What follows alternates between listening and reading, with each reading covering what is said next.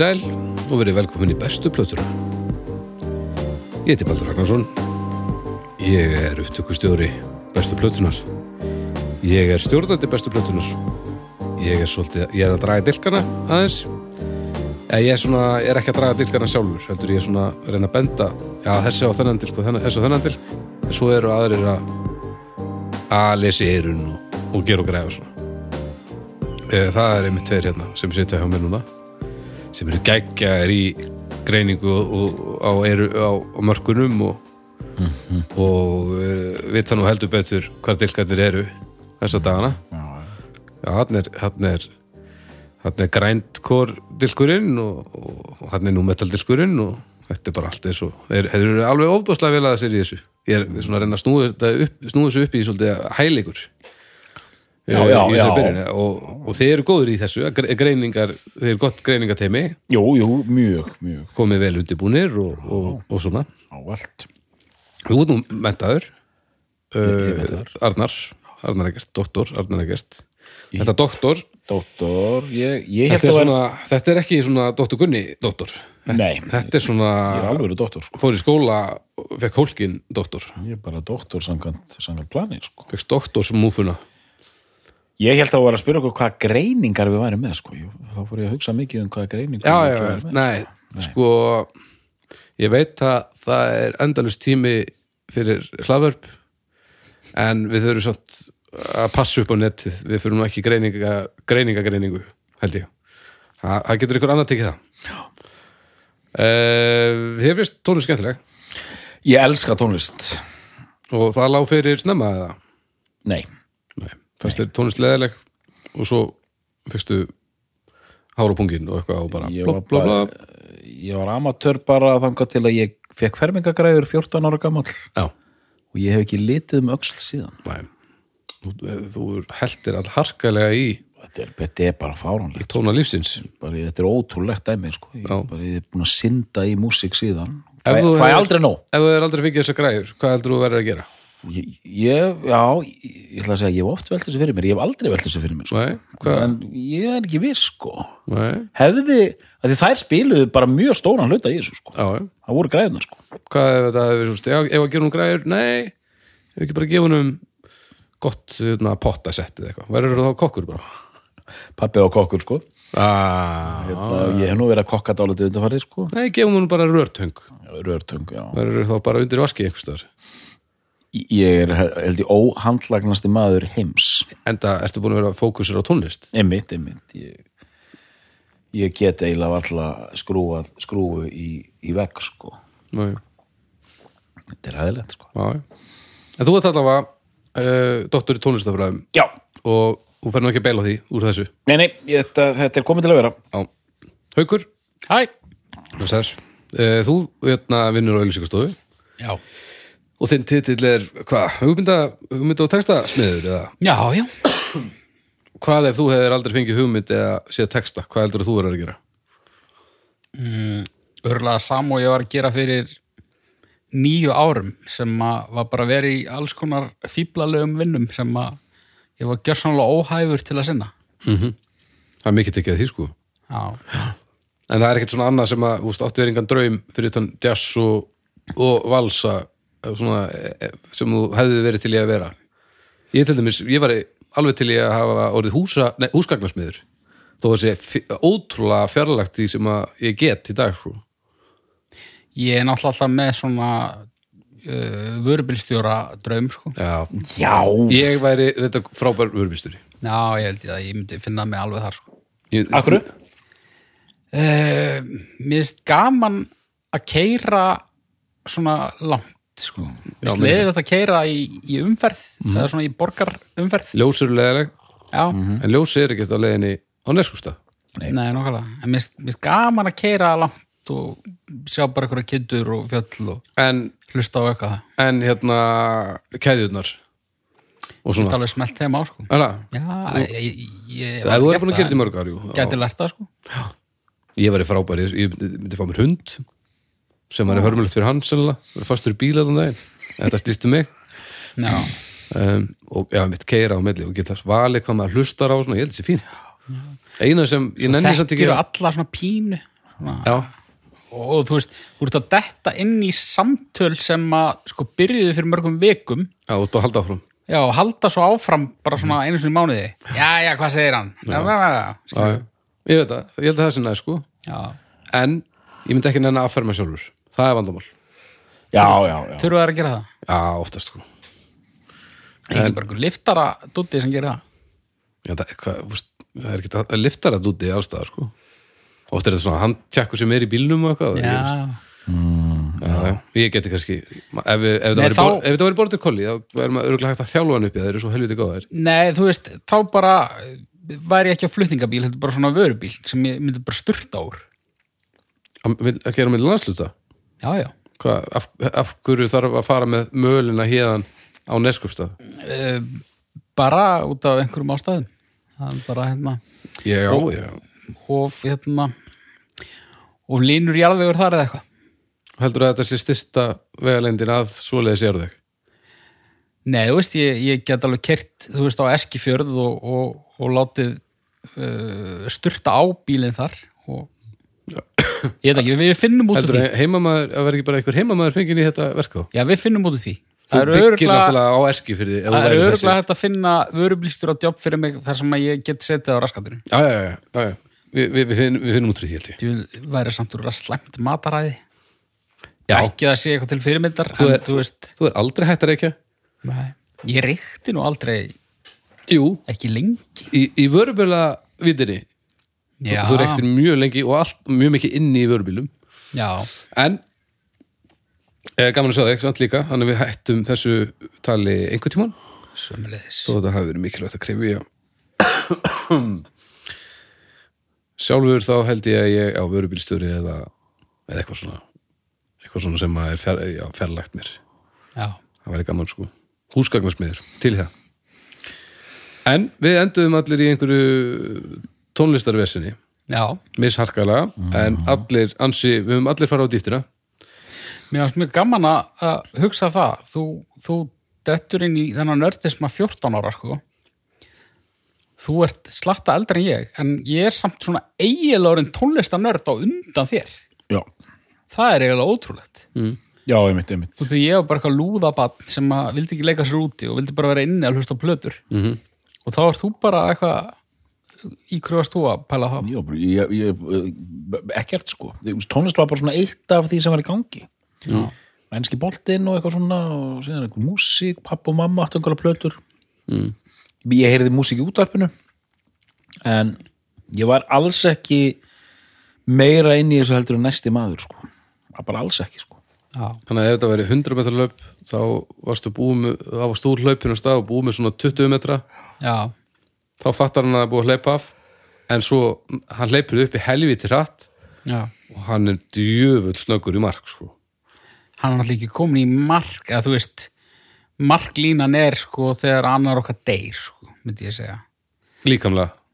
Já, ég, þú veist, ég ég, ég segja að kapplupi sé ekki endilega búið sko, þú, þú veist, doktorskráða er eitt sko, Áttu, meinar að þú ert bara að ert að hlaupa hann upp uppi eða? ég, ég gæti ég gæti átt eitthvað eitthvað auka púður hérna til að gera það sko. Ætlar að taka léttan endasbrett sem þá, hvað ætlar það að taka dótturskráðu og eitthvað sérnám? Já, þú veist, Já, já, já. ég útiloka ekki neitt. Nei, ég, ég er út til okkar en ég er svo sem bara áhórandi Já, ég meina, þú veist þetta er engin aldur, þannig séð. Nei, nei, nei, nei, nei út kornungur. Já, Ég, ég verð svo stressaður því ég kem heim eða það er engin tónlist í gangi Mm. þá veit ég að ég er að tapa tíma Já, ég er að tapa tíma af því að þú veist já þú ert greinlega mjög illa haldin já, já. Ég er sannlega ekki að fara að þér sko. Og þetta er ekki aldurstengt heldur bara Þetta er ekki svona dauðin eh, nálgast ég þarf að hlusta meira Nei, nei, ég Þetta bara er bara veit standard Já, ég veit Já. bara að ef ég er ekki að hlusta tónlist í 40 mínútur þá er það bara 40 mínútur lost Það er rosalegt sko. Heyrðu strákar, ég er að fatta eitt hérna Hvað? Ég Ég verð ekki að ég verð annað gamall þegar að þessi þáttur er búinn. Já. Eh, það, það reyndar teknilega séð á við um okkar alla en, en það er svona það er svona sýnilega hjá þér. Já, Já, ræðið það. Já. The Big Four Three. Þetta er rosalegt. Býtu áttu sérst á, á, á morgun. eftirminnati. Já, Já. Eftir, já, hvað er klukkan núna? Já, afmæli eftir, eftir klukktíma og 16 mínútur. Já, Big Four Þannig að þetta er bara algjör veist sögulegu þáttur. Söguleg þáttur. Ég, ég, mæ, sko, ég mæli líka, ég hlusta alltaf á tónlist í hjóla neður til skólan ef ég hlusta ekki á tónlist á leiðinni þá líður Arnari illa sko. Já, þetta er svona líka geðhelsu mæling sko. já, já, já, já. Já. Skilji Og tekur aldrei svona með þetta ákvörðun, bara nei núna ætla ég að hlusta á þögn? Aldrei, bara aldrei. Bara það kemur ekki fyrir það er ekki inn í, ekki séns. Ég gera einstakarsinnum Með hverjum er hún, spyr hann. Já.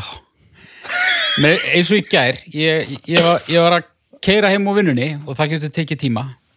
Og ég kveiki á bluetooth görnum og hann næri ekki sambandi við síma og ég bara, oh, ég glemdi að slökka bluetoothinu í lappanum mínum sem er í töskunum minni, sem er aftur í. Mhm. þannig ég hugsa, ok, ég verð að stoppa bílinn taka úr töskunni slökka á bluetoothinu og eitthvað, þetta gengur ekki. já, já. en svo hugsaði ég, nei, fuck it. Ég hlýta ekki að vera í þögn hérna. Og ég var bara einn með hugsunum mínum í svona 25 minútur og það var bara bara allt í lagi sko. Ó, nei, þetta var það ekkert allt í lagi Þú þetta tilgerðilegt hefur Þetta var það bara- ömulegt ég bara fekk hugmyndir og... Einn með hugsunum mínum er alltaf vond hugmynd nei, Alltaf ég saknaði svolítið sko. Ha?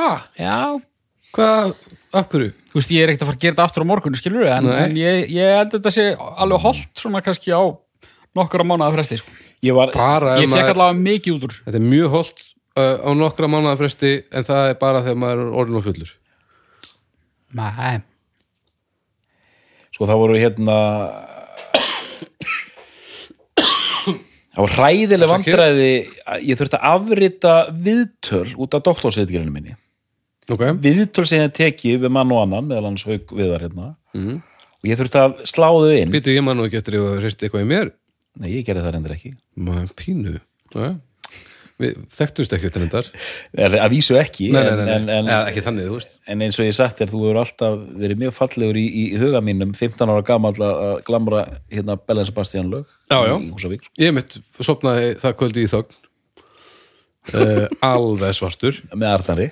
Já, já, já, já. og hefur ekki borið þitt bar síðan? Ha, í raungum sumabústað Nei, já smá, smá klun en það, ég þurfti að leysa þetta mál að því ég, ég, þetta var hræðilegt, að því ég þurfti að hlusta á viðtölin já, og ef þú ert að hlusta á viðtöl í eyrunum þá getur ekki hlusta á músíka með hann sko. nei. ég þurfti að leysa það, sko. þannig ég var með viðtalið hér mm og síðan svona dósir eins og þú ert með til að geta hlusta á tónlist á meðan ég væri að Vá. hlusta á fólk tala sko. Hanna ég er ekki þarna sko. Nei, þú, þú ert í neyslu bara já, ég er, emi, þetta er bara heroin sko. Já, þetta er bara, þetta er hardcore neysla sko. Mhm. þetta er, já, það er alveg rétt sko. En, en, en? Við erum þú hér ert líka með doktorsmúfu. Já, þú ert, þú ert með doktorsmúfuna í að sprauta þig með tónlist þannig að þetta er bara allt svo að vera. Uh, ég, en Við erum konur inga til að sprauta okkur. Já, já, heldur betur. Uh, uh, eins og hérna einhverju hálfutunum vildi koma fyrir í hérna í poppunkti, hljómsveit sprauta sig. Já. og uh, við skulum tala um hljómsveit, bestu plötu hljómsveitar. Og ég gef mér það að haukur hafi uh, stungið upp á þessu. Sko ég er ekki að fara að sprauta mig ég er að fara að sprauta yfir ykkur öll. Já, já, já, Nei, það er bara þannig. Smá kyn og þetta er en já, já, Þetta er, þetta er haukur sem hefur valið þetta. En þið ætla að tala um bestu plötu Decemberists það er rétt. Ein, er, við erum að sprauta okkur með rosalegustu grænkól hljómsveit allra tíma sko, þetta er ólætt já. uh, Þetta þetta band. Mm. ég veit að þú hefur alla tíð haukur verið að og skýta á þig yfir þessu. Já, það er og þú ert alltaf að segja mér Sem- að ég, ég hef líka verið að mýg og skýta á mig yfir þessu. Já, og ég hef eiginlega bara ekki einu sinni hlusta ég hef bara ekki tekkað á þessu ennþá. Nei ég hef bara ekki gefið mér ekki það, maður, á mínum aldrei þá tekka maður ekkert svona á neinu viljandi. Maður verður fyrir músík og maður grípur hana og hún gefur mann eitthvað en maður fer ekki svona maður þarf að setja sig í ansið miklu stællingar til að fara og tekka á allavega í minni stuðu sko. Og ég hlakka til að heyra þig tala um þetta þegar ég veit að þetta stendur í mjönari já, um, Já, byrjum svona- á þér að þú kynir þetta band og hvernig að það stendur kannski fyrir þér eða svona hvernig það stendur hinnari og af hverju?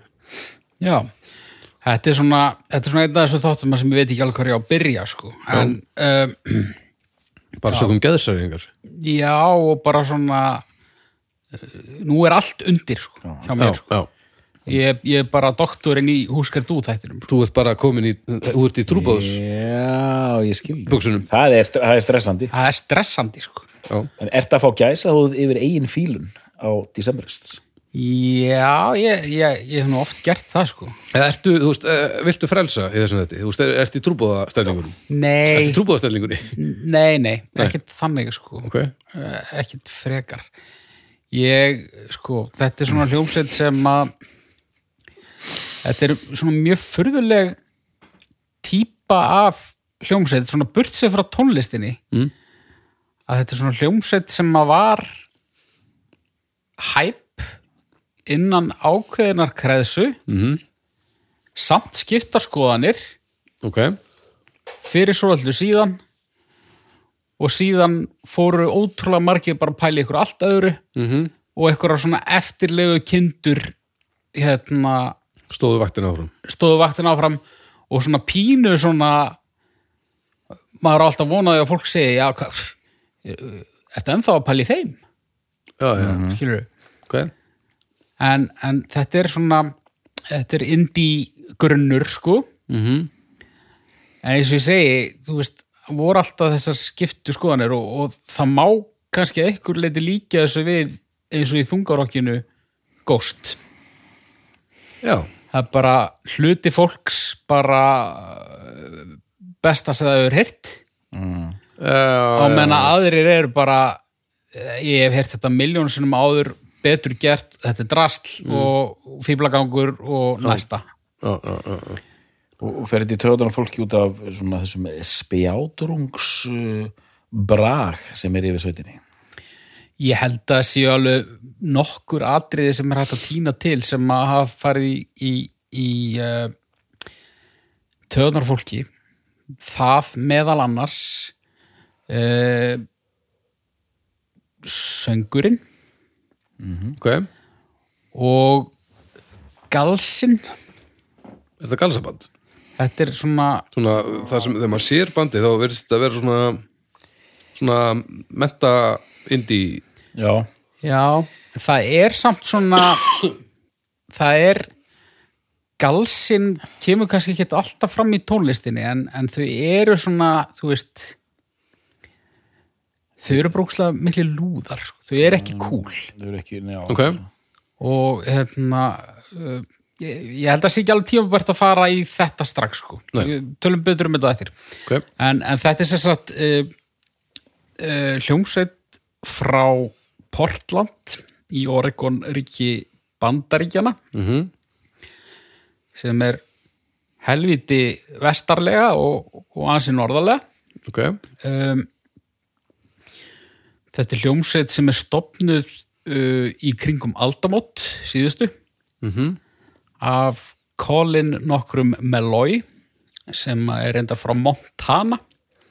En þetta er svona, hvað heita þessi ríki? Svona, hvað er þetta að kalla? Þetta er svona, Sko, þegar þú ert komin til Montana og Dakota og svona, þetta er bara mestu krummaskuð bandarækjana. þú veist, þú veist, það er svona það eru ákveðin ríki sem eru svona Midwest en þetta er svona, Já, nei, þetta er eitthvað svona norð, uh, ég veit ekki hvað þetta er sko en það er hérna er, South er Dakota. þetta norðvestur Þetta er norðvestina, þetta er sko næsta ríki við hliðin á... Wyoming á, og Já, eitthvað Oregon alveg sleppur í, í það, það er, að því það er Seattle og hérna og Portland og svona. já, þetta er svona aðeins sunnar Þetta er eins og einhverja eðumerkur sko. þetta er svona skóarhagsmanna dæmi sko. og hérna uh, en, en hann er sagt frá ykkurum litlum bæ hérna í, í, í Montana.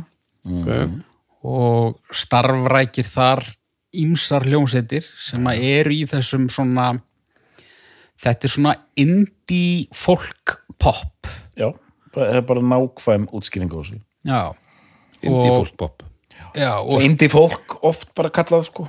Já, tekkaður eitthvað á þessu sem hann var að garfa í áður.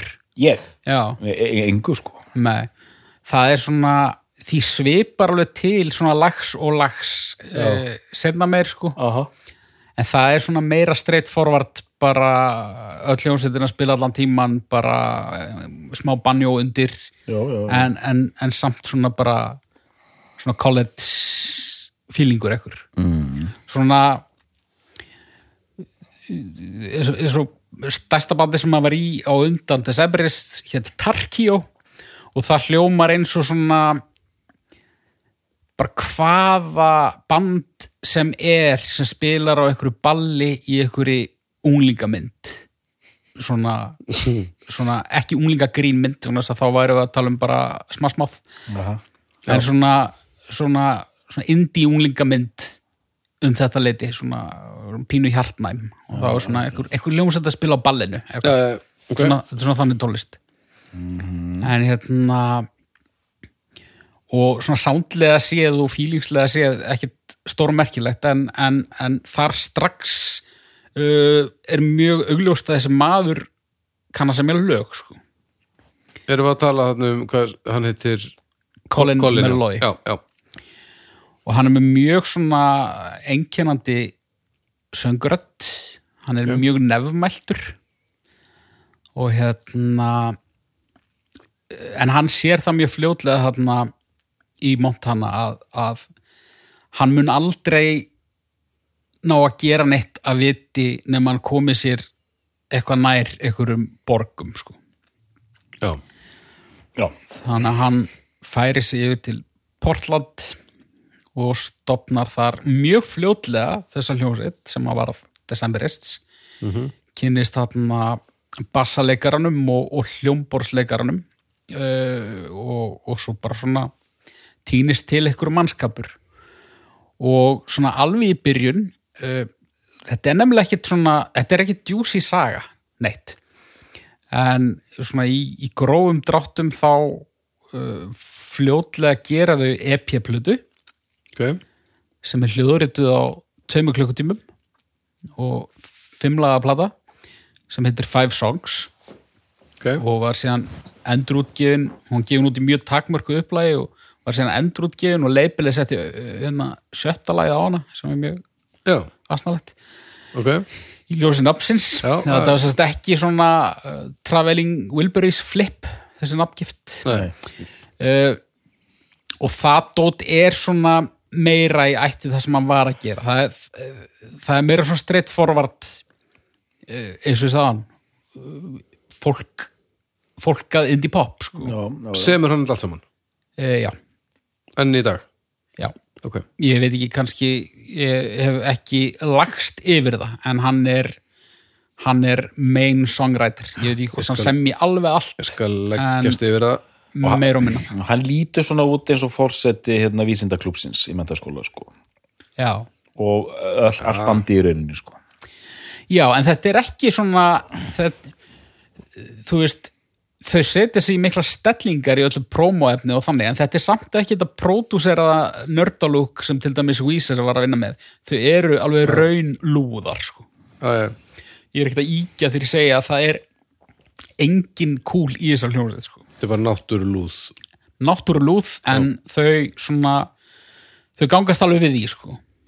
Ok. og, og kannski aðeins svo mikið stundum Ok. uh, en þau eru fljótlega sænuð á, á lítið label og, og gefa út sérst fyrstu plötuna sinna 2002 og hún heitir Castaways and Cutouts ok, má Og- ég aðeins já, endilega, ég Ég- er komin í öngstræti. Já, ég ætlaði bara aðeins að, að, styðja hérna við sko þessa ímyndargreiningu af því að hérna af því að Baldur hérna talaði nú réttilega um hvað við værum allir vil ég segja góðir svona greiningum, ég mann þegar við tókum Lönudel Rey og greindum hana alveg í döðlur sko. Og það sem ég fæ grind í döðlur sem ég fæ sko, Decemberis þetta er hérna, ég kalla þetta svona steam folk steampunk. Kannastu það? hugtakið? Já, já, já, steampunk svona Æ, þú veist, þetta er allt eitthvað svona svo, hérna, 1890 svona, Sti- bandið? Er, nei, steampunk svona þessi stíll Já. sem er svona eins og sem er framtíðar gufuvila já, knúið já, að það allt sko. Já, og þegar ég sé myndaður svona kynningamind þau líta út eins og sko fólk sem, eh, ég veit það ekki eh, vinnur í hérna gömlum hérna hérna fljótabát í Mississippi eða eitthvað líka sko. þetta er bara svona, það er eitthvað svona tweet, kormakól skjöldur fílingur í gangi líka Ok. svona Viktoríutímin í Bretlandi þú veist, hérna það eru algjörlega þessi vibes og bandarisk hljómsveit sem er að vinna rosa mikið með svona ennst þjóðlagadæmi sko. Síðan sko bara, Ok. það, það er líka svona, sjóraníkja þema sko, þú veist þetta Já. castaways and cutouts og eitthvað svona marine hérna þemu sko. Já, já, ok. Og þetta er svona eins og húsbandið er meiri poppins sko. Svona, þetta er allt svona ímyndir sem ég fæ sko. Já, þetta er enga veginn sem ég var með í huga. Ok, segðu. Sko, ég, það, held- ég held að vera meira meira svona hérna æ, hvað, hérna hvað, hvað heitir bandið hérna barokk ristóra bandið okkar Agni og, og hérna Hjaltalín Hjaltalín já, já, já um, ég, ég sá þetta meira fyrir mér í þar sko Já, eh, en svona að einhverju leiti en, en, en það er svo mikið sko. já, það, já, algjörlega. Teater verður svolítið notað í þessum þætti sko. já, já, En mér langar að segja, og þú varst að tala um England. Ég, ég held að þessi fyrsta skipt sem ég les eitthvað upp í þessu þætti. En ég bara, ég, ég var að tekka á einhverjum plötudómum og eitthvað. Ég varð að ég varð að vista þessa fyrirsögn. Ok. út af því að hún hún súmerar svo vel upp bæði hljómsveitina og líka sérstaklega hvað sumum finnst um hljómsveitina. Þetta er fyrirsögnin á tveggja stjórnu dómi í uh, einhverju sem heitir The Guide. Já, já. Overeducated Anglophiles march forth with clever, unbearably irritating album. Ok. Uh, sem á snara yfir sem bara uh, ofmentaðir uh, anglofílar uh, koma með snjalla en alveg ótrúlega óþólandi plötu og þarna þetta er, þetta er mjög lýsandi sko út af að, út af því að eh, þegar þau hafa fengið slæma dóma sem er nú ekki eitthvað verið algengt en þegar fólk er svona að pissa yfir þau þá gefa þau þeim alltaf kredit fyrir eitthvað sko. Að þetta er, þetta er velgert sko. ég held að það ég held að það dyljist engum sko. Já, þetta er svona gámanna pop en ég held að sé alveg rétt baldur Hjaltalín, þetta er líka svona barokk element í þessu sko hjá, hjá, hjá Decemberis en þetta verðist ekki vera ja, hátilegt sko, málið með Decemberis er það að það, þetta eru bara þau koma hansi víða við sko ok, þú veist, þetta eru svona tímabil og, og þau fara um mjög víðan völl sko, bæði innan platna og svo á ferlinum sko. Mhm. Já. en, en það er rétt sem þú segir, það er alltaf stutt í, þú veist, lagum hérna, sótara skilur ok. Já, nákvæmlega.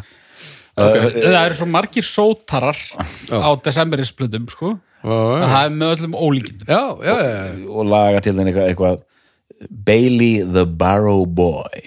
Svona Eli the Barrow Boy. Eli the Barrow Boy. Sem ekur hjólbörunum sínum og selur kól og grætur og finnst síðan dauður í einhverju á Já, já, þetta, er allt svona sko. Er Sherlock Holmes er sko handan við hotni sko. já, já.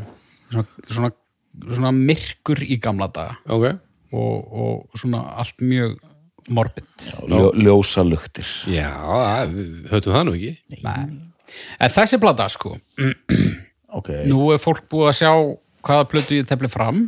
Já, ég veit ekki, nei, sko ég tefli ekki fram fyrstu plötunni en, ekki Castaways and Cutouts nei, en það er sko þetta var, þetta var alveg Sophie's Choice sko Ó.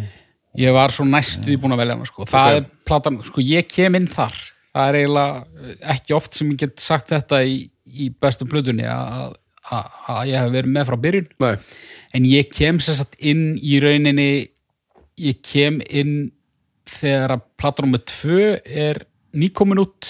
Ok, en ég heyri samt þessa fyrstu plötu á undan sko, já, ok. Og, og hrifst af henni fyrst. Þannig að ég er búin að vera með hann bara uh, nánast frá byrjun. Mhm. og þessa plötu kann ég utan að fram og tilbaka sko. Ok. og öll lögin á hennu eru dásamleg. Ok, og þetta er í rauninni svona uh, þetta er tengi vagnin minn inn í indie músík sko. ok. Já, já. Nú er ég ekki þekktur sem hérna, eitthvað haugur indie en, Nei, en, hérna, en 2002 hún kemur út 2002 helvið þetta sent í, á Indivagnin já, ég- ég var náttúrulega bara hvað metnaðleysi var það? hlustaði bara á, á þungarokk nánast bara fram að því. En, þú veist, varstu að hlusta Pixies og eitthvað? þú veist, það datt náttúrulega aðeins bara, þú veist, í grugg dæminu öllu, þó það sé náttúrulega ekki grugg en bara svona 90s alternative En meira, úr, alveg sko. meira sem afbreyði úr þeirri áttinni frekar en þú verður að hlusta á Indie. Já, þegar ég segi hérna, gateway inn í indie þá er ég að tala um svona krút Já, já, dæmi að- já, fara í peysuna og, Já. og já. og sko ég get tekið þessa plötu lag fyrir lag en ég, þú veist, þetta er náttúrulega ekki hljómsett sem að ég get ekki ímynda mér að sé eitthvað 50% af okkur hlustendum séu hafa verið að býða þér þessum þætti sko, þannig að, þannig að það maður sér samt út undir sér að þeir sem hafa kveikt á þessu bandi kveikja all harkalega á þessu bandi. Já, þetta er eitt af þeim bandum þetta er eitt af þeim böndum sem man bara þú ert búin að vera að döfla stímur með þetta í mörg, mörg, mörg, mörg ár. Já, já, og það, ég veit að það er ekki af því að þú þú gerir það ekki nema að sé ástæða til sko. nei, nei. Og og eins, og- eins og fyrir mig sko bara svona, fylgist með. Að það var alltaf þegar maður sá já, ok, 9 decemberist hérna plata, já, ég verð að tjekka en hvernig, það er nú kannski bara ágætt að, að fá það hreint, bara hvernig kynnist þú bandinu fyrst? Ég hérna og það er ekki eitt alveg ótrúlegt dæmi. Ég árið sko 2009 eða eitthvað líka, þá set ég fjasbókarstatus sem er eitthvað svona.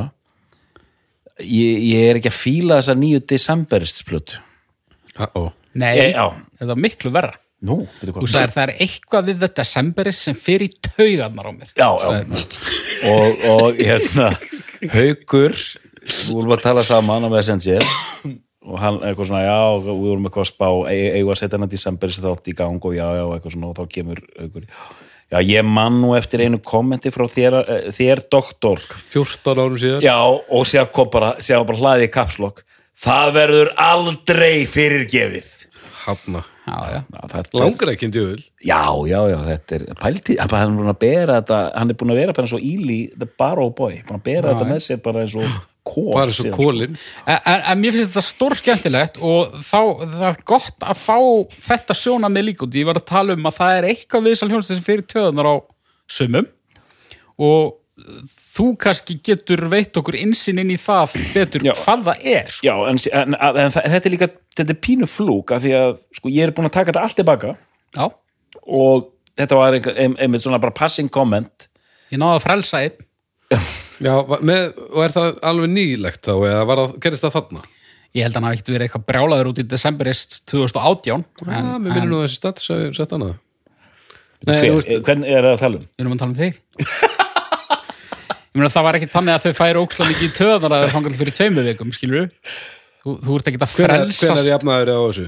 Ég, sko þetta var sko ég veit ekki akkur ég sagði þetta komment sko og hérna ég hef bara verið bara það hefur verið einhver þriðið að fjóra plata og ég hef bara að því það er ekkert hérna það er engin dýft í þessu sko og ég, nú er ég bara að segja ykkur satt Varstu bara með stæla? ég, ég, sko, ég get ekki greint alveglega hvaðan þetta kemur sko, af því að þetta var eitt af þessum nöfnum og ég heyrði einhverja plötu, það hefur örgulega verið The Crane Wife. Já, og ég var bara svona þetta er svolítið gott, svolítið gott sko. Síðan kom, síðan kom hérna ég, segi núna, skilur, síðan kom önnur plata og ég svona, mm, ég fyldist alltaf með þessu bandi áhugasamur. Og í- fyrir mig var þetta að gera gott mót. Ég er, ég er indílúði ég er þjóðlaga tónlistarlúði. Þetta er algjört best of both worlds fyrir mig sko. Og bara þetta indísnopp sem er í mér þetta var allt. Og ég hef ekkert að móti gáum hana poppi, ég elska það líka sko, mm. nörda, gleru og allt það. Þannig að ég er svo segi, bara svona Stælar? já, þetta, þetta voru stælar. Það voru gestalæti. Þetta voru, þetta, þetta voru gestalætti nákvæmlega. Af því að þú veist, ég, ég hef alltaf og, og- og segja það hér og nú að, veist, mér fannst það alltaf svona þetta gott band. Þannig ég var alltaf til í að tjekka á nýju desembersplutinu sko. Ok, ok, Þannig að það, þetta er svona mín að koma að þessu ágæta bandi ok En svona, þegar gríninu er sleppt þá, þá tók ég þetta ekki næri mér og, og, og mér finnst þessi stað bara mjög áhugavert út af því ég er með svona, ég er með alls konar hálfbakaðar kenningar um hvað fyrir töðar á fólki Já. en ég samt í rauninni veit ekki neitt sko. ég var líka Þannig á síðustu metrunum í drikkjunni þegar ég kom að þetta komið sko. Ah, Er hægt að sjá hvernig sólaringsins þessu var postað? var örglega hægt að tjekka á því sko. Sent Heldur það að vera sent? Ég var, sko, síðustu sex mánuðinir í minni drikju þá kom mikið að póstum alltaf klukkan þrjú á nóttinni og dásama stíl í dan og eitthvað svona kjaftaði sko. En sko, en sko ein kenning Úff, úff, úff ein kenning, ekki bara um þig en, en það var svona svolítið sem ég tók eftir á sínu tíma, það var svona sérstak, sérstök neikvæðinni frá fólki sem dýrkar eina ákveðina aðra hljómsveit. Já, ég tók ekki eftir þessu. Neikvæðinni frá fólki sem dyrkar aðra hljómsveit? Sem dýrkar Bellen Sebastian. Ah. út af því að framan af uh, voru þau oft og ítrekkað sökuðum það að vera Bellen Sebastian svona wannabe hljómsveit. Ok, sem að ég í rauninni skildi aldrei almennilega sko. það eru vissulega hérna, eh, líkindi sumstaðar ok. Og Belle Sebastian eru áhrifavaldar og, og þau bara eru mjög hreinskil með það sko. Mhm. en, en mér fannst svona mér fannst oft eins og ef að fólk var alveg á kafi í Í Bell og Sebastian. óreglunni Já. að þá, þá var það svona síður líklegt til að kaupa þetta sko. Ok, ég veit ekki hvort að það var tilfellið á doktornum sko. nei, sko, mér finnst þetta nefnilega, ég heyri mér finnst þetta vera eins og tveir teinar sko, sem þeir ná ekki saman sko. þetta er svolítið svona Blur og Aces rífurinn Það er bara búið að ákveða að þetta er stemmarinn en Já, Blur og Oasis er ekki, ekki nei, mér finnst þetta ekki vera sama tónmáli staðar og sem stund bara nei, ég raun ekki sko. Mér finnst þetta ekki, mér finnst þetta ekki vera sama tónmálið að þegar ég er að hlusta á Decemberist mér dettur aldrei í hug Bella Sebastian. Það er hins vegar annar band sem mér dettur í hug það er hérna Neutral Milk Hotel. Já, það var annar band sem að Þetta hef ég nú bara aldrei heist og það Og band kuslas nafn þú er það. gæti nú alveg verið já, þetta þar. er svolítið, hans band. Það er svolítið ballaband. Að segja að ég sé svona klassísku náungi sem fer á Neutral Milk Hotel? Já, já, vel. Já, já jú, það ekki mig Komu Veist þeir ekki ég- til Íslands fyrir nokkrum árum Veist hvernig ég en vil hafa með, var mjólkina með að mína dreyma nei, ég held ekki sko Ef þið var að dreyma það þá þarftu að leita þér hjálpar Nei, sko, hljómsveitin er til í alvörunni sko, en, en, Neutral Milk Hotel, hvað gerðist þið? Þetta er, hérna, þetta er, þýðir? þetta er vinir Uncle Tupel og hérna hvað er þetta bara, er bara allt sem er í skápunum? eða? hvað, sko, Neutral Milk Hotel eru frá ó, nú, man þetta ekki, eru ekki frá Suðuríkjum Jó, er eins og með minnið það sko A, ekki að, aðeins Neutral Milk Hotel, þetta er alveg. ótrúð Neutral Milk Hotel er eina mjög svona fræga. góðsagna kenda Já. indie-plötu sem heitir In an Aeroplane Over the Sea. Er sem er frá svona 95 ish. hann er að toppa Nei, hann er að toppa dótturinn sko. Nei, hún er kannski aðeins hérna og hún er góð og hún getur höfðatíðin sko. Ok. Og það er svona brjálaðislegt uh, psykadelist fólk styrlun einhvern veginn sko. Já, ok. En hérna, Já, ég, ég verð að teka öðru. Og ég heyrði þessi töts á þessum, hérna já, þetta er bara þetta er svo, Decemberis eða þeir væri á hæli. Þetta er eitthvað þannig sko. Neutral mjölkur hæli já, neutral, já, neutral, en þú veist, þetta eru áhrifavaldar sem þau telju upp og, og maður heyrir alveg stundum í tónlistur það er hérna uh, Belli Sebastian. Belli Sebastian, Neutral Milk Hotel þeir, þeir nefna band sem að ég þekki ekki en ég skal hundur heita að þú þekkir ekki. Uh, The Waterboys The Waterboys það er bara mitt sko e ég- ég- Edinborgarband? Ég, ég kann, kann katalóg Waterboys allan bara utan að fram og tilbaka. Já. gjör svolítið dýrka þetta band. Já, og þau nefna R.E.M. já, það er svona af þessum svona stærri nefnir sem, að, þau nefna R.E.M. og Waterboys hérna, sem mikla áhrifavaldar já, sem já og, og Morrissey. Og Smiths og það. Þú segir þetta með Waterboys, já, ég heyri það núna sko. mm. Waterboys fyrir Já. ekki, Colin söngur í Melloi Já, hann er náttúrulega búin að syngja Morrissey líka bara plötu eitthvað hann er alltaf með Morrissey tattoo. Er hann með? já, djöfull er hann örgulega spældur með það í dag. Já, þess að vera að bera frá með Sko, já, Waterboys gerðu fyrstu þrjárplötunar og Waterboys voru svona risastór episk músík alla U2, Simple Minds. Mm síðan skiptu þeir sko Mike Scott leiðtói flutti til Írlands og þá hlóðu þeir í svona þjóðlega plötu. Fisherman's Blues. Já, ok. Hafði ekki og, í- hérna, I wish I was a fisherman tumbling on the seas Riding my home Þetta eru 90% allir lögum en ekki Þetta var ekki hræðilegu flutningur Þetta var nokkuð gott nema að lægi sig ekki svona Þetta lag kemur stundum bíómyndum Þetta lag er fullkomlega stórkostlegt Treistu mér sko Waterboys The Waterboys Var mjög, þetta var óheppilegt, það var einhver Waterboy síða sem hafði að gera með eitthvað allt annað en hérna ah, ah, ha, The Waterboys svona hlandklám en það er langur listi greinlega fyrir þig nóg framöndan hjá þér að tekka á Nákvæmlega. einhverju sko. Þetta, þetta er bara svona. En þetta eru sem sagt, þetta eru svona áhrifavaldar sem eru nefndir bæði af þeim og öðrum en, Ok. en, en samt maður heyrir það strax á þessari fyrstu plötu að, að þetta er sko það er verið að reyna að skapa einhver svona einhver svona leikaræna Stemningu. stemningu sko. Já, já. Og bæði bara hljóðheimur, artwork textar. Trefill, já, Þegar hann á við svona, svona þeim sko. Er, er þetta svona eitthvað sólhlíf á, á myndu og eitthvað? Byggilega. Nei, sko, er og svona pípuhattar það er náttúrulega bara eitthvað eitthvað, eitthvað, eitthvað gamalt skip hana, Já, ég meina það Framan á, og ég meina sonur hans heitir Cannonball. Ég er ekki að djóka. Ha, Jesus Já. Christ já, já. Já, ok, hann er all-in. Hann er all in, sko. Já, já. Ég meina, við meðum ekkit við meðum ekki drulli yfir hann og leifa sappa bara skýra börnin sín bara gangstitt og eitthvað og það er bara leið Já, nei, nákvæmlega. En sko, hvernig er þetta að fíla þessa fyrstu Þú veist, það er mesta indie-platan samt, þrátt fyrir þetta allt sem ég er að segja með hérna, eitthvað 19. aldar emd og það sem svífur hann yfir vötnum þá, þá svona, uh, það er indie-platan þeirra. Já, mér fannst sko, þessi fyrsta það er hérna, hvað stað sem Tott síðan kemur hver? Uh, Her Majesty, Her Majesty, síðan er þriðja Picaresque, Picaresque og fjórða er Crane Wife.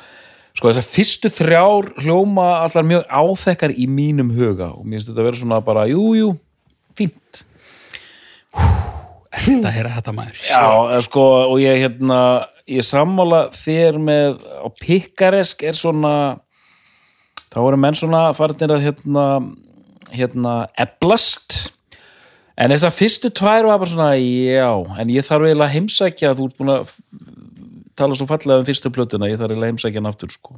Já, mér, mér, finnst, mér, finnst, hún alveg solid í gegn sko. En þú valdir hann ekki? Ég valdi hann ekki Nei ég hérna þetta var spurning um tvær plötur Crane Wife sem er fjóraðaplatan uh, og það er ekki öll lögin á henni frábæri samt. Ok, en ég vel hana samt. Tindarnir eru helviti góðir. Já. En, en þessi er alveg gegn heil snilt og hérna og í rauninni það var mikið afreg fyrir bara hvaða hljómsveit sem hefði tekist þetta. Að koma þessum uh, grautfúla metalhundi út í eitthvað svona krútt Já, indí sko. Já. Og varst, mm. var, varst þú hitti þetta vel á eða er það bara efnið?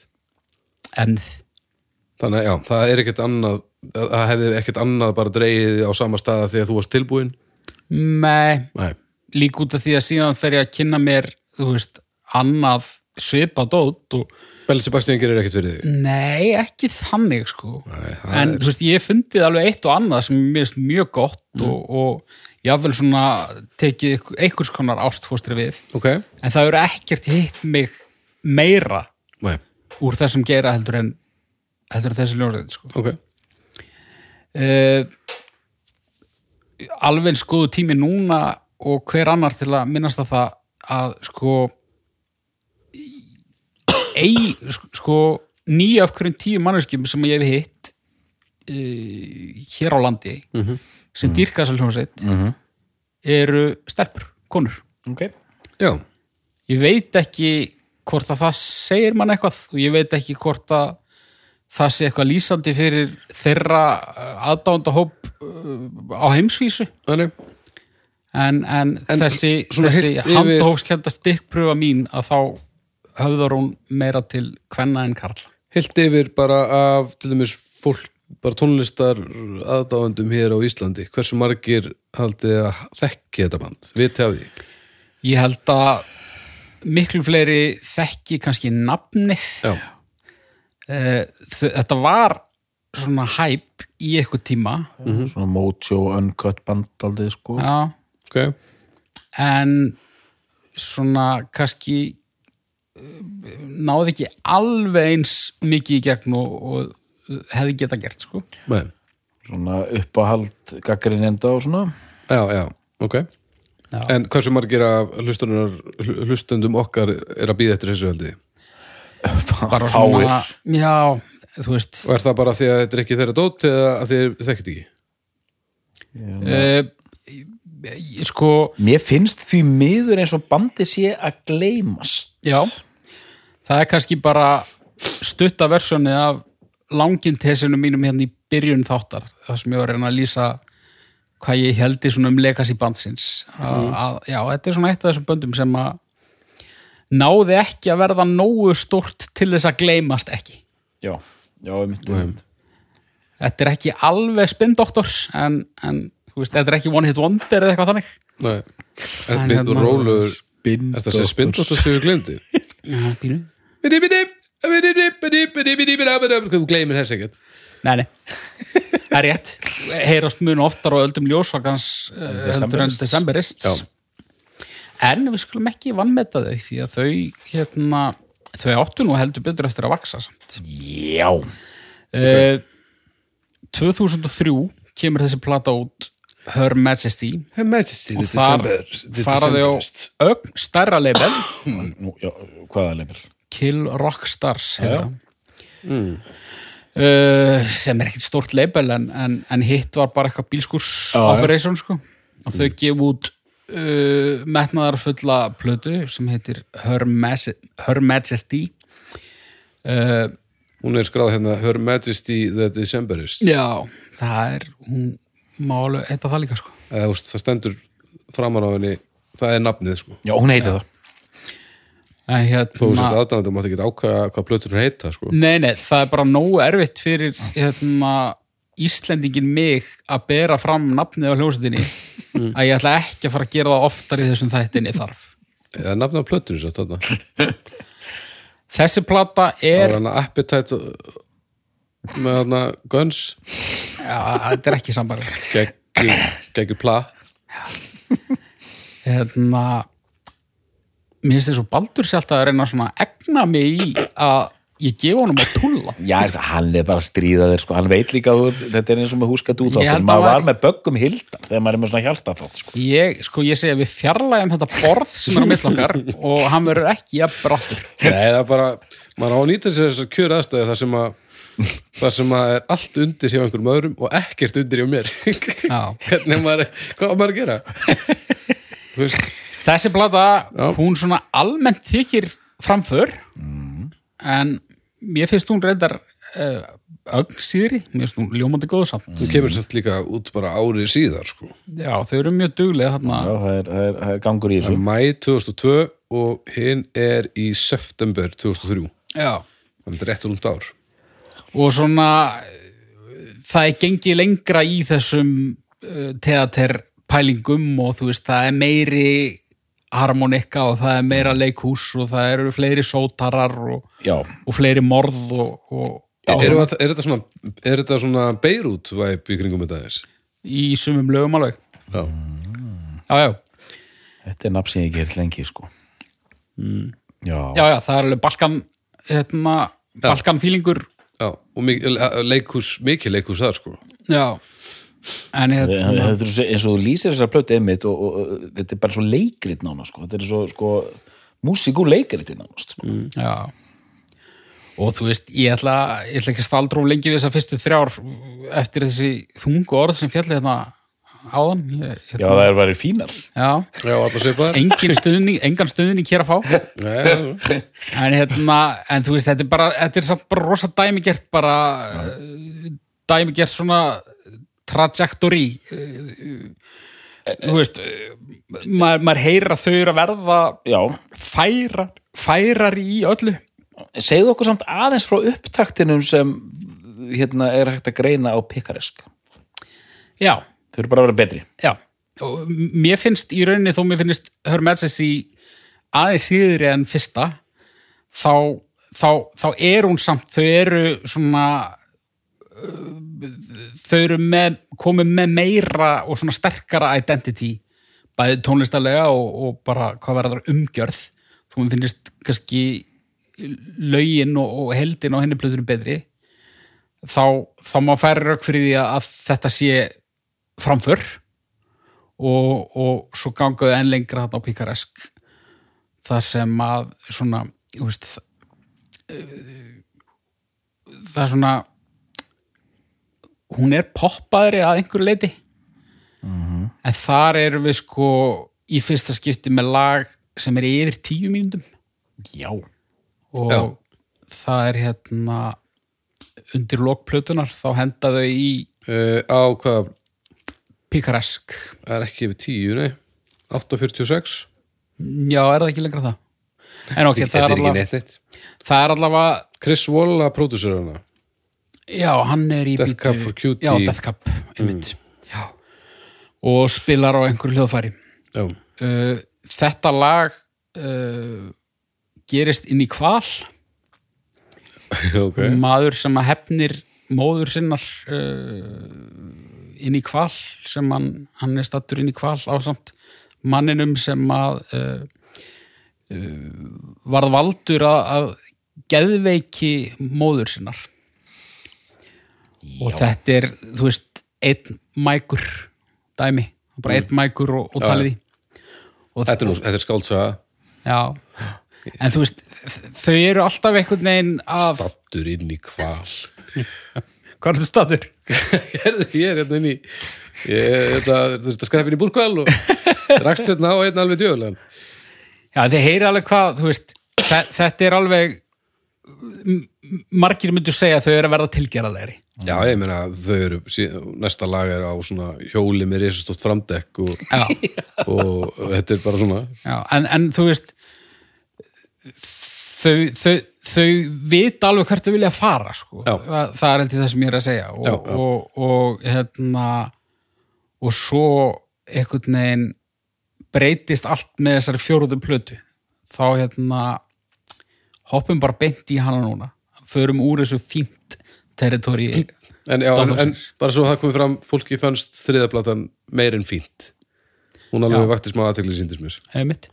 og svo er ég að hoppa yfir EP-plötu sem kom á milli fyrst og annar plötunar sem er í rauninni eitt lag skipt upp í fimm trökk, það er 20 mínútur eða eitthvað, 80 mínútur. Já, það sem er svona daðra við eitthvað svona progg. Já, nú, já. En hérna hoppum bara í uh, alvöru útgáfu fyrirtæki. Uh, því að þarna eftir þriði plötuna þá uh, faraði á Columbia. Já, þeirra fyrsta uh, plata á stóru leibeli og þá eru komin í plötuna sem að ég tefli fram sem þeirri bestu. The Crane Wife frá 2005 ekki? 2005? 2006, 2006? Kreinu F er 2006 Já, uh, label Rough Trade Capital. Capitol var það, hvað sagði ég? Þú sagðir uh. Columbia. Já, Capitol, Já. það var sem ég sagði. Og, og, Það er rétt. og er komið mér veist, umslægið á The Crane Wife mjög flott. Já, á meðan já, já, á fyrstu þrjár plötunar eru það er bara eh, manni finnst þetta vera alltaf sama coverið alltaf sko. Nei, fyrsta er öðruvísi. Svo koma tvö sem eru ansi á þekk. Mhm. svo koma þarna komaði tvö ansi krútleg. Já, Kreinuæf Já, Hvað er í gangi þarna? Sko þarna uh, eins og segi, eru þið komin á stort label og þarna eru þið komin ný, nýja trómara, þið eru búin að fara í gegnum tvo trómara áður, sko. Mm. þarna kemur trómarinn sem að er enn með hljómsveitin í dag. Ok. Og hann er gríðalega góður. Og hinnir voru ekki lélegir en, en, en maður heyrir hvað þessi trómari gerir þau betri. Þau eru orðin betur spilandi það er bara meira budget meiri stúdíotímar meira rými fyrir uh, tilraunir og pælingar og bara betra sound og þetta er bara meira krisp og fullorðins einhvern veginn. Ok, Uh, þau byrja þessa plötu á tveimur svona samföstum lögum sem að eru samtals eitthvað kortir Mhm. milli kortir og 20 mínútur sem er hérna Crane Wife 3 og svo einhver, einhver uh, bálkur sem kallast The Island og þannig eru komni bara, þau eru bara farin full prog sko. Já, Ok. þetta er ótrúlegt að heyra þetta gerast sko. það er bara þannig Það er bara Death Row 12 eru bara mættir að svæðið sko. Já, mér langar svolítið að doktorinn taki aðeins við núna. Ég, hérna, ég, ég, er, ég að vera- finna að ég er hún tög ástyrkur. Já, og, og, og þurfi mununum Já, Sko Já, ég meina þetta er sko þessi plata uh, Já, þetta, er, sko fyrsta lagið er svona hérna eh, er, er bara svona ótrúlega svona fallegt melodíst svona uh, decemberist uh, þjóðlaga stemmari, er það ekki? Jú, en líka. með svona popglefa Já, popglefa og það eru bara þrý hljómariði. Ok Ég var að fatta það áðan. Ok, og bara þetta hljómar mjög örugt það er bara, þetta er svona þið fattið, þegar bönd eru bara byrjuð að fljúa sko, það er bara svona það er metnaður, Nei, þú varst að tala um lengd laga á þann á Kreinuef eða var það á plötunu undan? Uh, ég man ekki hvað ég sagði. Þú sagðir, nei, það var á plötunu undan þar sem að lagi var ekki yfir tíu mítur en það eru tvö lög yfir tíu mítur þessi á Kreinuef Já, fyrir geðu dóttur Nei, sko, þegar maður heyrir að bönd eru bara byrjuð að fljúa sko, það er bara, það er metnaður það er allir rótnir nú góðir hljóðfara leikarar og það er eh, tekin áhætta og fólk er bara in the zone. Og hérna síðan kemur hann annar lagi sem er þú veist að fer eitthvað stað þarna síðan kemur bara, er bara hendi bara gamaldags svona progg-kabla, bara eins og Yes eða Genesis séu bara hérna að fara yfir um sko Í nummer tvö, The Island, come and see the landlord's daughter, you'll not feel the drowning og, Já. og hvað er það, er orgelið er hann alveg á miljón hvað var meira að flauta, nei, djúvilega var að gerast þannig nei, það er ekki flytta. Það er eitthvað svona orgel bara með einhverjum svona spaceuðum 70s effektum. Svo er einhvers Svona brjálaður vísindamæður. já, einhvers staðar er hördi gördi, veit ég. Og í einhverju að þessu. Já, og þetta lag sem er bara alveg bara ok, hugsa maður gengur alveg það gengur allt upp á þessari plötu sko Ok. Ma, að því að þau eru að stretsa sig sko, það kemur nú fönglag og ein, einu kapla sko og svo framvís en hérna ég er ekki nægilega vel hlustaðar þú veit að þekkir þessa plötu betur já, sko, eftir proggvillisunni koma tvö bara pjúra poplög. okay. Þannig að uh, man ekki hvað lag nummer þrjú heitir? Yankee Bayonet, Yankee Bayonet. I will be home then. Og svo Ó Valencia. Já. það eru bara eins pjúra poplög og þau eru færum að gera sko. ok, og í rauninni það eina í þeim lögum sem að svona vísar í þeirra heim já, eru bara umfjöldunarefnin skilur ok. Þetta er svona Romeo og Júliu ást í meinum í gamla já. sitt eitthvað. En hérna og, og hitlagið er með orðinu bayonet í titlinum þannig Já. að það segir sér já, sjálft. Já, það er en hérna þannig að þau eru komið með poppið alveg bara á lás Mhm. henda svo þarna í föngaran The Perfect Crime number two. The Perfect Crime sem að er sko ef að röddin hans fyrir töðnarmanni þá er uh, síðustu tvær mínútunar í því lagi óbærilegar. Ok, it was the perfect, the perfect The perfect, the perfect, the perfect, the perfect, the perfect, the perfect, the perfect, the perfect. Svo heldur hann í lokin áfram endalust já, já, já, já. það er þetta hljóma bara eins og hans er hundur sko. Er íslenskur- lag. Geggjaðu íslenskur bassi. indíhundur. Já, Já, þetta er bara, þetta er, svona- þetta er, þetta er grúvar þetta grúvar mjög vel, sko. Já. Og svo þetta er í Zeppelin stemmara í lagi 6 When the war came. Já.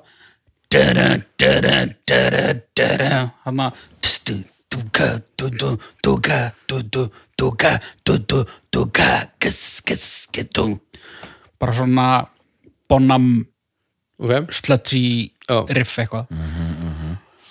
Og þú veist, það er nú kannski byrja aðeins fyrra þau eru honum svona þau eru svona að fara, fara að daðra við þungarokk svona.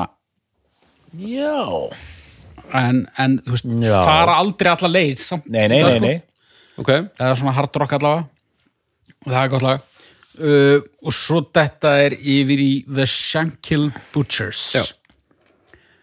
og það er bara svona akústíst bara gítar og eitthvað svona smá svona einhverjir smellir og, og effektar og Ok, eitthvað mandolín eða eitthvað.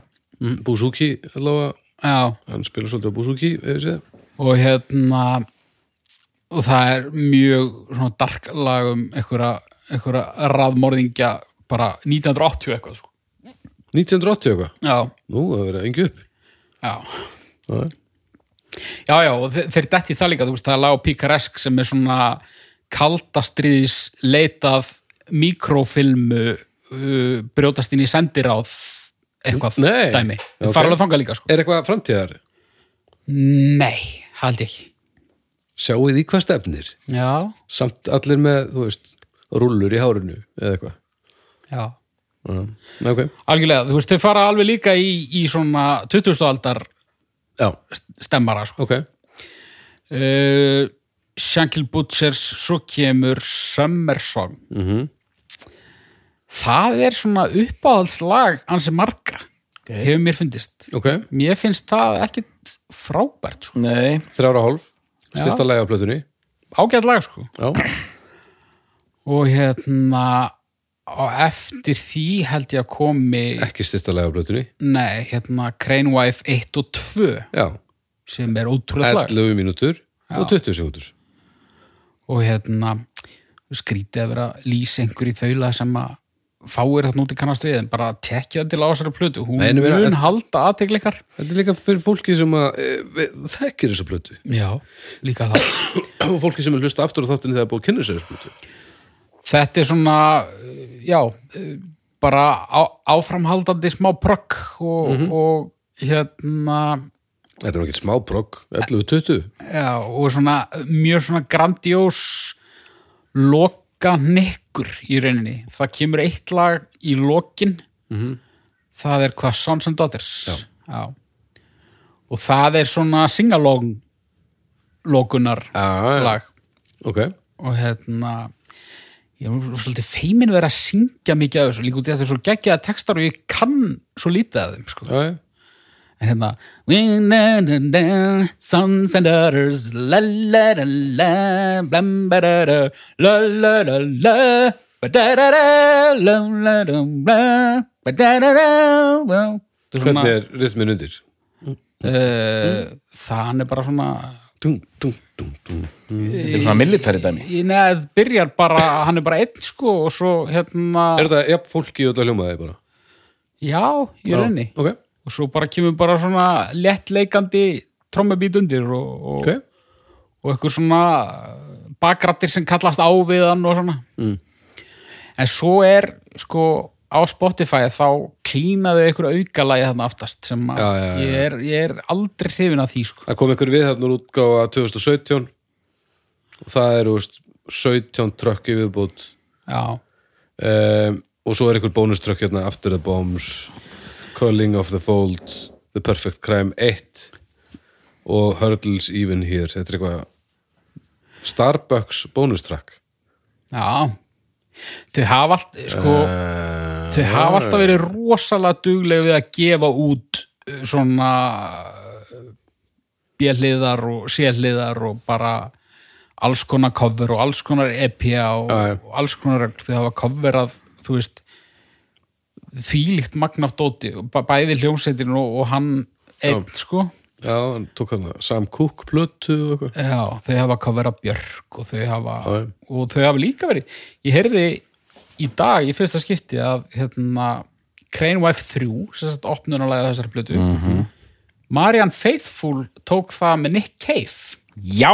á plötu sem kom út fyrir einhverjum 5-6 árum síðan. Eh, Ok, Þetta er lagið hana Já. Og, og það var einmitt það var einmitt við að hlusta á þá útgáfu sem ég fattaði það í fyrsta sinn út þetta er nú svona eiginlega með mínum uppáhaldslögum. Mhm. ég hafði ekki fattað það fyrir en ég heyrði ábreyðu sem mér fannst síðri Já, að þetta eru bara þrý hljómar. Já, út af því að þetta er þryggja hljóma lag sem hljómar í þeirra flutningi þess aðbyrðis eins og bara það er alltaf eitthvað nýtt að gerast. Og það er ótrúlega svona spennandi og mm, bara alltaf eitthvað í gangi sko. já, Já, já.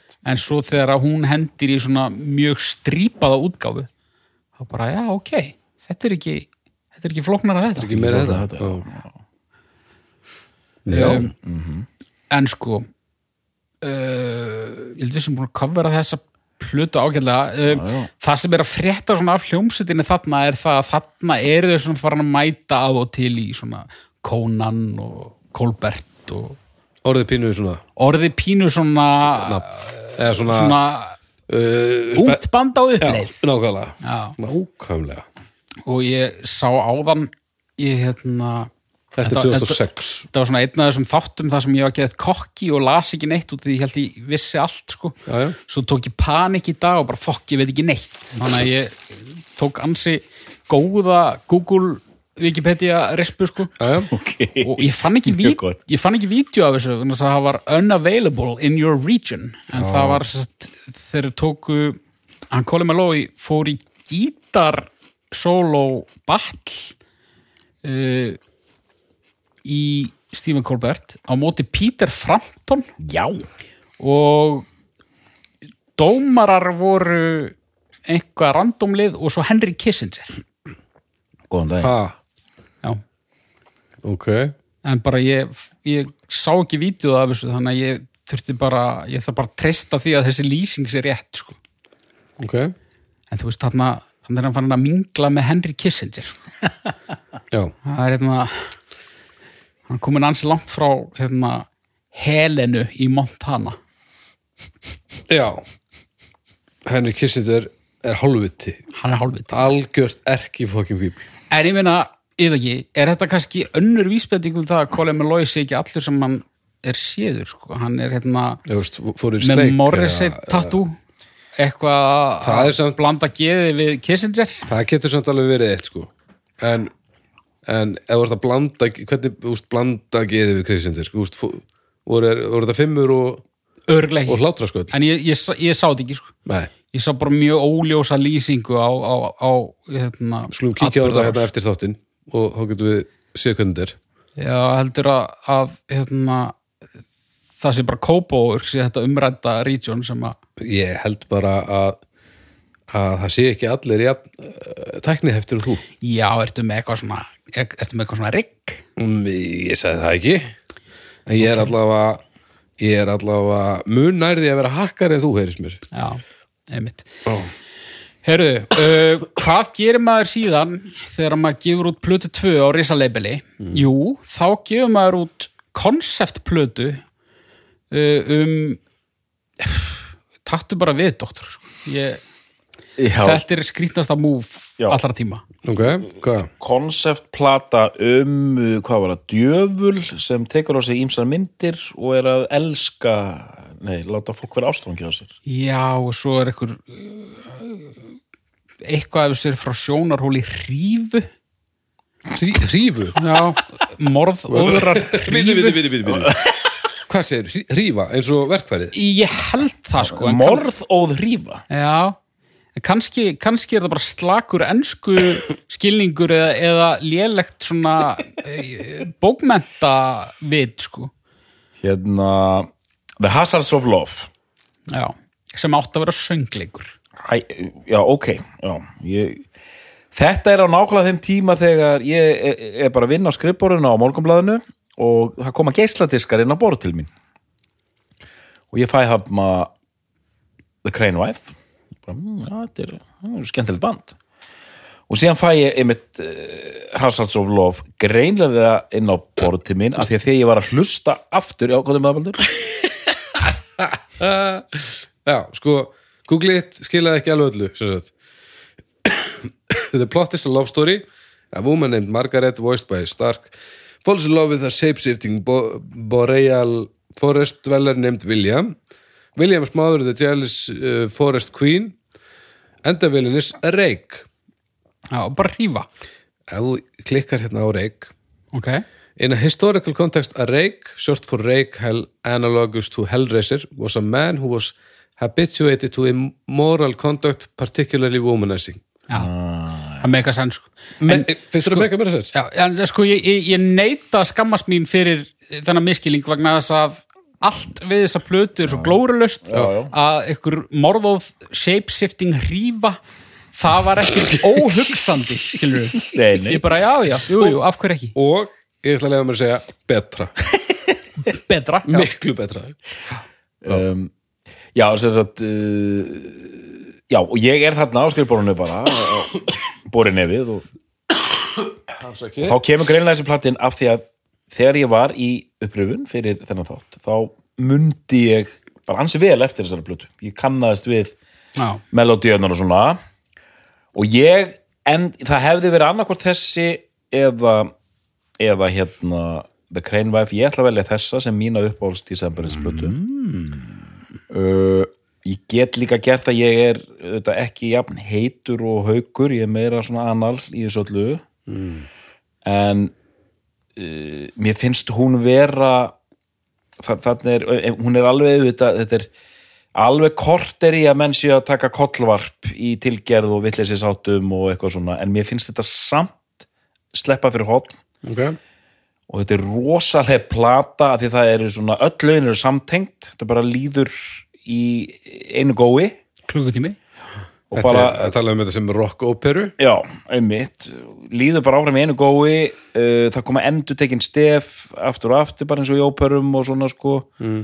uh, gítarinn er, er æði kvass á, á, á, á, köplum sko, bara þungarokks gítar einhvern megin Já. og bara metnaðurinn er svo tilkomið mikill að maður, bara, maður bara fer uh, gladur með þetta ferðalag og, hérna, og fyrir mig progg hundin þá svona það myndi mig á eina mínum uppáhald hljónsættum, hérna Jethro Tull þegar þeir gerðu svona proggblötur Flautu flamingoan. já, já, og bara alltaf verða vitlaust og bara einhverju störlun ég, en ég bara kaupi þetta allt bara með vel samin lög þú veist, uh, söngurinn ástriða, fáranlegar hugmyndir hafna og bara let's go, sko. Tilfennilega vöndun og rífu, já, þetta með hrífuna algjör Já. Þetta er stórkostlegt, Synd, sko. synd og skömm. Ég er nefnilega, ég hef lengi velti fyrir mér og, og bara þetta er bara til, þetta er bara vitnisburður um það hvað þau eru betur lesin en, en, en flestir sko að ég bara, það getur ekki verið sko, svo er ég sko að dóma og það, það er mjög augljóst á dómum að þeir gaggrindur sem minnast á þessa hrífu halda að hún sé hrífa Hrífa, já. Þannig ég bara ok, þetta er sennilega bara hrífa kannski er þetta bara hrífa, en það er ekki þannig lagt upp á Wikipedia. Nei. Sackfræði uh, heimasíðunni Wikipedia. En hérna, já, þetta í blues þarna á köflum líka. Já. Í fyrsta sinn. Ok. Sko, uh, þetta var svona, þetta var óvænta ánægjan í undirbúningi fyrir þannig að ég hef frá því þessi plata komin, kom út verið fúll á móti Já, og ég sendi Arnari smá svona leiðarvísi í Já. gegnum þetta já, og afgreiti hana svona snubbótt sem bara svona ágætt moment en uh, allt of þrútið og, og pínu villisegangur. já, og bara var, var ekki að fíla þetta Ok. og svo hérna svo bara við ítrekkaða hlustu núna út af því að ég, ég sá það uh, að hann var að hann var mikið heitari fyrir þessu heldur en ég og ég hugsaði, "Eh, þetta er nú heldur öfugs núið ég verð nú bara, ég verð nú bara að ná honum þannig ég bara hlusta á hana og reynda að hlusta á hana við kannski betri aðstæður en ofta áður Ok. var svolítið svona einn með plötunni, fór í svona tilgerðarlega göngutúra með hana og svona. var það, var það þinn tími? Já, Ói, og ég var alltaf að ég var alltaf að hitna meira og meira sko. Ok og svo bara svona fyrir svona viku þá bara játaði ég mig sigraðal fyrir þessari plötu sko. hún er eiginlega helviti góð sko. Myndur segja að hún væri hrífandi?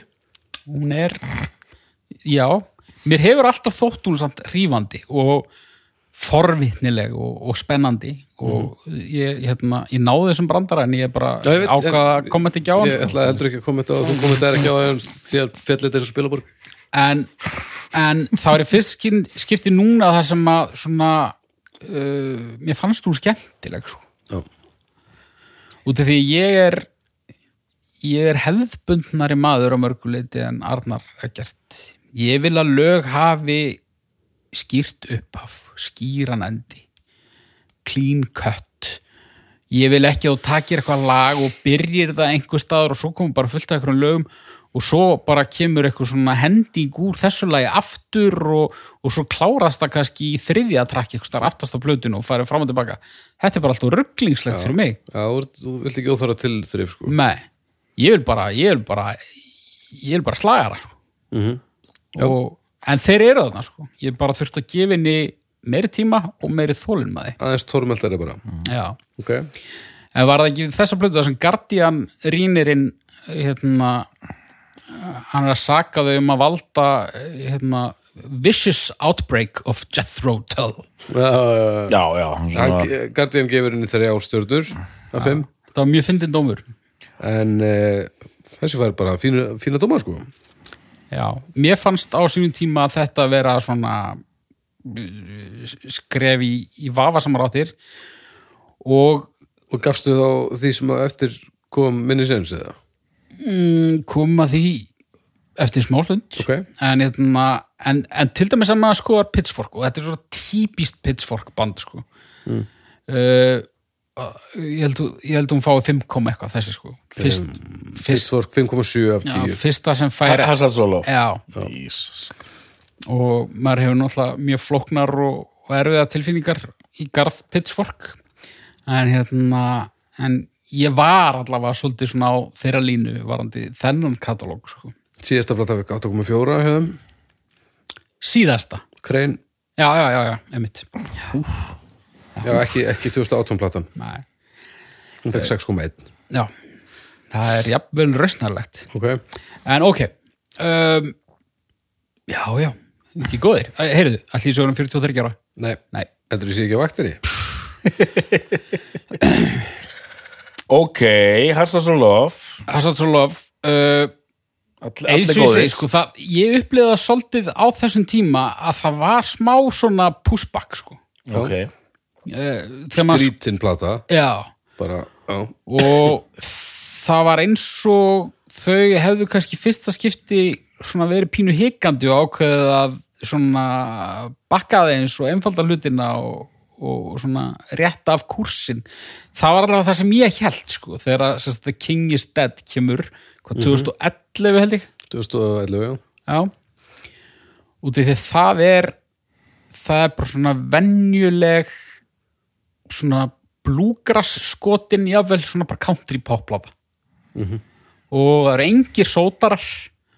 Vó, það eru engin afturgengin bergla börn ha? það er ekkert sem gerist inn í kval það er bara ekkert í þessu sem sagt. nei, þetta er bara svona þetta er bara, svona, þetta er bara sveit og pop sko aftur gengin berglabörn Þetta, Ég var reyndar að skálda þetta en, Já, ég en meina, en- var en- að bóka þannig lag sko. Þetta Nú, kristallar hljómsveitina sko. nei og núna verðum við að gera nýja morgingplötu af því að þetta er bara Já, þetta er frábær titill Aftur gengin berglabörn Já, já við, erum, við erum að tala um býtu, Við erum að tala um plötuna. The King is Dead. Já, við kengist þetta, einmitt Og ég sammála, þeir fara meira bara Þetta er meira hótan Já. Þetta er bara meira country. En þarna gerast undur og stórmerki. Ok, því að svo plata, hún fer á topp billboard. Já. Og við erum Já. ekki að tala um eitthvað hérna, country billboard eða hérna, Bara billboard. kvefaður indílúði billboard, við erum að tala um bara alvöru billboard. Af hverju? Hvað sæti Já, hvernig var bara, hvaða lag? Hún er bara rosalega aðgengileg og þau voru bara búin að þú veist, vinna þetta inn. já bara elja. Og áður en platan kemur út þá hún kemur út í janúar 2011 en fyrsti singut fyrir lofti í november 2010 já. og er það einhver a Water, er það einhver risa singull eins og ég segi, þarna var ég pínu fúll á móti sko, og var ekkert spenntur þannig að ég eiginlega áttaði mig ekkert alveg á því sko. en ég hlustaði á þessa plötu með semingi mm. út af því að platan á undan var ekki að heilla mig og ég var bara að fara að pæla í ykkur öðru sko. en auðvitað hlustaði maður á gömlu vini sína gefa þeim eitt spinn allavega sens sem ég þótti nú ekki merkilegt ok, En jú, ætli ég verið ekki að tekja, ég verið að rúla henni aftur aðeins. Já. Já, já. Nokkru vikum setna, jú, maður tekja, það var nú eitthvað þarna. og svo bara hægt og bítandi, gegn vilja mínum, Mhm. fer ég bara, bara fíla þessa plötu alveg í drasl, sko. Og ég held, Arnar, að þú væri þarna, sko. mm Og þetta er svona kannski fyrirfram allavega svona á blaði, svona Arnar, Arnars Eggerts legasta já, platan, er það ekki? Þú ert rosa hrifin af svona Appalachian jú, jú. uh, svona, já, sérstaklega band sem, þú- sem þú dettur ekki inn í á, á, á viðkvæmum tíma þá, en, en progg hjarta hefur, hefur já, en líka að mér finnst bæði Kreinvæf og House of Love þar er það er allir svo graðir. Já. Mér finnst þarna The King and, hvað er það King, ég mann ekki sem hvað hann heitir platan Uh, the King is King Dead is Dead. The King is Dead mér mm. fannst hún bara svona full svona bara fólk er að lenda ekki, ekki endilega er bara þetta er að verða svolítið svona uh, business as usual þannig séð sko ok, Já, þetta er svona hún er, ro, hún er rosa amerísk og þetta er í rauninni fyrsta plata þeirra sem er mjög amerísk sko. Ok. okay. Amerísk hljómsveit en hafa eins og Arnar saði hérna verið svona pissa mjög mikið utan í eh, svona eitthvað ennst hérna folklor og, og, og, og japanskar þjóðsögur og, náttúrulega heita í höfuð á einhverju einhverju byltingarhefingu í Rússlandi og eitthvað. En, en þessi plata er bara bara gegn heil, bara svona bandarísk frekar svona modern countryplata sem hljómar alveg viðbjóðslega en það er þetta bluegrass element sem að gera hana skemmtilega sko. mm -hmm. ógeðslega mikið af gesta spilurum og það er einhver, einhver söngkona sem er eitthvað svona semi-stór country söngkona sko. Þinn maður Peter Buck er hann í einhverjum já, ok, þreim með fjóru lögum.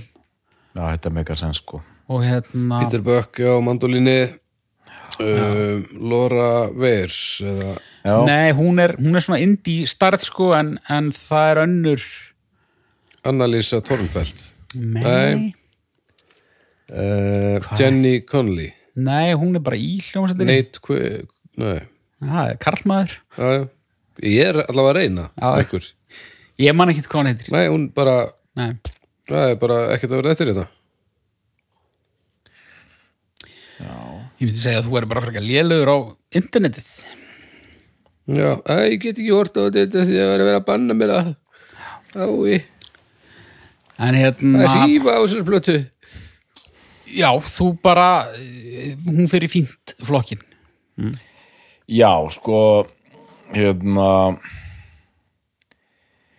Nei, já, eh, þú veist ég, ég er bara ekki ja, impressed og af þessum fyrstu tveimur á undan sko. Nei, emitt en þú veist e, þú En- en veist, þetta er- gott stöf Þetta er rétt svo þú segir, hún hún hún er þægileg. Já. Og, og og, það, og, og það, það er sviss sko á milli. Það er ekki að sama að vera einhver svona amerísku alþýðu country skotið eitthvað svona og þægileg og svona að því að fyrstu plötunar sem voru bara hardcore einhverju viktoríunsku fólki Já, það er einhvern veginn bara meira gritt meira, já, meiri styrlunni gangi það er einhvern veginn, mér finnst það bara meira spennandi þannig er bara komið eitthvað Já. svona middle-aged pælingar já, sko. ég er sammála, ég er sammála. The King is Dead er ekki, hún er ég, síðasta sem ég myndi segja er að hún sé spennandi sko. en gerði go- mjög gott fyrirbandi gerði mjög gott fyrir bandið og, og hérna já, Krækt í bólinn já, en ég veit það ekki. Þetta er samt að síðasta sem þessi hljómsveit gerir að mínum mati sem að eitthvað fútt er í sko. Já, já, ok. En hérna Það er þrjár plötur eftir. Mm, eiginlega bara tvær samt sko. Nú, nú. Já, við, við fyrir ekki að tella ykkur að kollab-plötu með sko. Ah, það er eitthvað collab hérna. Já, Olivia Ch- Cheney. Sha- Shanae. Haukur, við þurfum að- Haukur, við þurfum að við, við, við þurfum nú að minnast á hana já, sko. já, Ok, uh, byrjum þá samt á er hún What a Terrible World, What a Beautiful World sem kemur 2015 já, hún er svona bara það er bara allt sem þau hafa gert áður bara hrætt í eitthvað pott og bara að vera að vera svona lag og svona lag og eitthvað. Ok. og sumt af þessum lögum er bara fínt skilur við, Hún fær uh, dómana góðu, sko. Já, já. Og þetta er ekki léleg plata en Þau eru í vinnunni. þau eru í vinnunni þau eru svona þau eru hætt Sjöund á Billboard. Já, þau eru hætt einhvern veginn að reyna að toppa sig sko. Já, ok. Uh, en ég þurfti að rúlinni hansi oft áður en að ég fór að heyra eitthvað svona sem ég fannst Ok, skemmtilegt sko. En þú veist, þetta er ekki liðið, þetta er bara þú veist, ég bjóst við meiru einhvern veginn, andlausara en þú hefur viljað. Já og svo Eh, kemur og það Þá þurfum við að taka smá pásu. Nú, Klukkan, hún er 0, 0, 0, 0 já, já, öss, öss, öss, öss, Já, já, öss, öss. þá- Já, ok. Hann á afmæli í dag Hann á afmæli í dag Hann á afmælan haukur Hann á afmæli í dag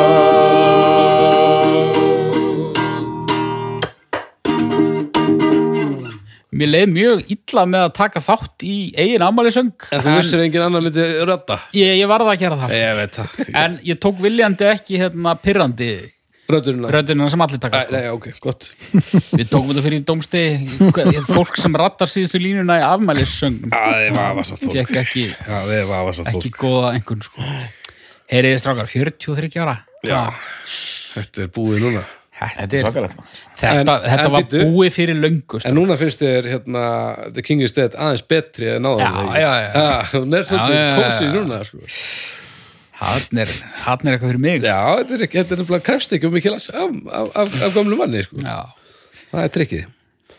Herri, What a Terrible World, What a Beautiful World. Þá hún er þá bara svona Já, og Eitthvað? sko ég nenni ekki að staldra við þessa síðustu. Hún, mér finnst hún bara Nei, algjört byrju, byrju, rust Collab-platan Já, ég, skal taka hana sér þegar við klárum síðustu. Allt í lagi, hérna. síðan- Ég er síðasta- búin að klára síðustu, hún er bara I'll Be Your Girl frá 2018 er hún rusl. Já, hún bara gerir mig reyðan og hún gerir reyðan hún er svo slögg Já, Ok, þetta er svona bara, já, við erum orðin, orðin 40 og eitthvað, hvað hérna, hvað getum við gert til þess að svona, þú veist, við getum hjakka eða í sama, við erum ekki að gera eitthvað spennandi? Jú, hvað, hvað er spennandi? Já, getum við ekki fara- setja eitthvað svona elektrónisk hljóðfæri í þetta, jú, jú, gerum það bara. Synthpop eitthvað. ah, Já, það er svo ekki beint synthpop en svona Æ, þetta er ógeðslega misefna Já, ég, ég hlusta á hana og það, Bara leiðinlegt. og það, eru, það eru lög sem eru bara mjög léleg sko, eða bara svona tóm asnaleg. Ok, Þau eru bara í þau eru bara í öngstræti. Já, ok. Hún fór nú að finna sett hérna á Scottish Albums. En hérna, sko, Amalisbarnið var að stríða mér aðeins þegar hann var að reyna að hérna, slæta í gegnum hérna collab-plötuna sko, Ok, ok. Af því að hann vissi að það var bara það er bara búið að stimpla Arnar Ekkert risastónum stöfum á þessu að plötu, mynda honum framan á umslæðinu Já, já, ég sé það. Og hérna þetta er hérna, hvað heitir þetta, Rex? Offa Rex Offa- Rex. Uh, þarna er einhver söngkona sem ég þekki nú ekki. Olivia eitthvað. Olivia, eh, hvað segir maður, Cheney? Olivia Cheney. Chaney og þetta var einhvern veginn svona þetta var svona kynnt eins og allir að það vita hver hún er en ég, ég eh, vissi ekkert hver hún var. Og hún og Decemberist er að gera svona þetta er svona hardcore breast 70s fólk og það var þess að blessu hljómsætti sem ég var að nefna hérna, Fairport Convention og hérna og fleiri svona enskar þjóðlega sveitir þetta er eiginlega bara hálfgett homage til, til, til þessa. Já, en þetta eru mikið til svona tratt Já, lög eða ekki? Og þau eru að nota svona, hvað heitir hljóðfæri svona dulcimer, svona Harmonium já, eða svona svona, svona, kam, svona píanóði sem er með svona aðeins meira klingi sko, líka- skröld píano skröld píanóði, hvað heitir klavér, klavér Já, ok. Svona semball, semball er það ekki já, semball. bara hapsikort já, harpsikort. Harpsichord er svona sem plokkar. Já. Og þau- eru bara going full on medieval hann sko. Og hérna Ok. Ég hef gaman að þessari plötu að ég man að komi tveir singlar, ég lá alveg í þessu sko, að komi hérna, tveir singlar og vídeo og mér fannst þetta alveg geðveikt.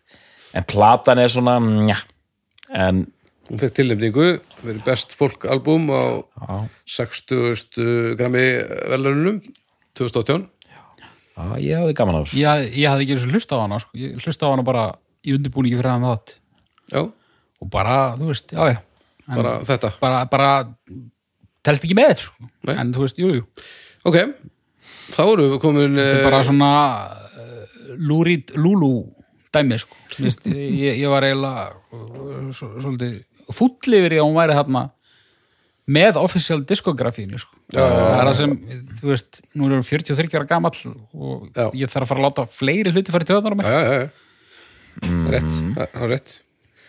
Já. en já, þetta er nú það sko við erum búin að fara, við erum búin að fara kannski of íntarlega yfir ferilin, ég veit það ekki en, en, Við fórum alltaf bara yfir plöturnar sko Nú en, fara yfir plötunar sko. Uh, og við erum svona aðeins bú, búnir að svona stikla á stóru varandi svona þeirra stöðu innan, innan geirans, tónlista geirans og indi geirans og svona. Og er þeirra staða bara bara trygg eftir uh, King is Dead? Sko þannig þú veist ef að þau, þú veist ef þau 12 halda, sko. halda áfram að gefa út plötur þá það er alltaf einhverjur að fara að hlusta á þessar plötur skilur, það er alltaf einhverjur að fara að mæta tónleika. Já, ég held að þau sé ekki að fara þau eru ekki að fara að spila okkur um hundramannaklúbum skilur við, en ég, ég svona indie, indie pressan er, er hætt að pæli þeim held ég mikið sko.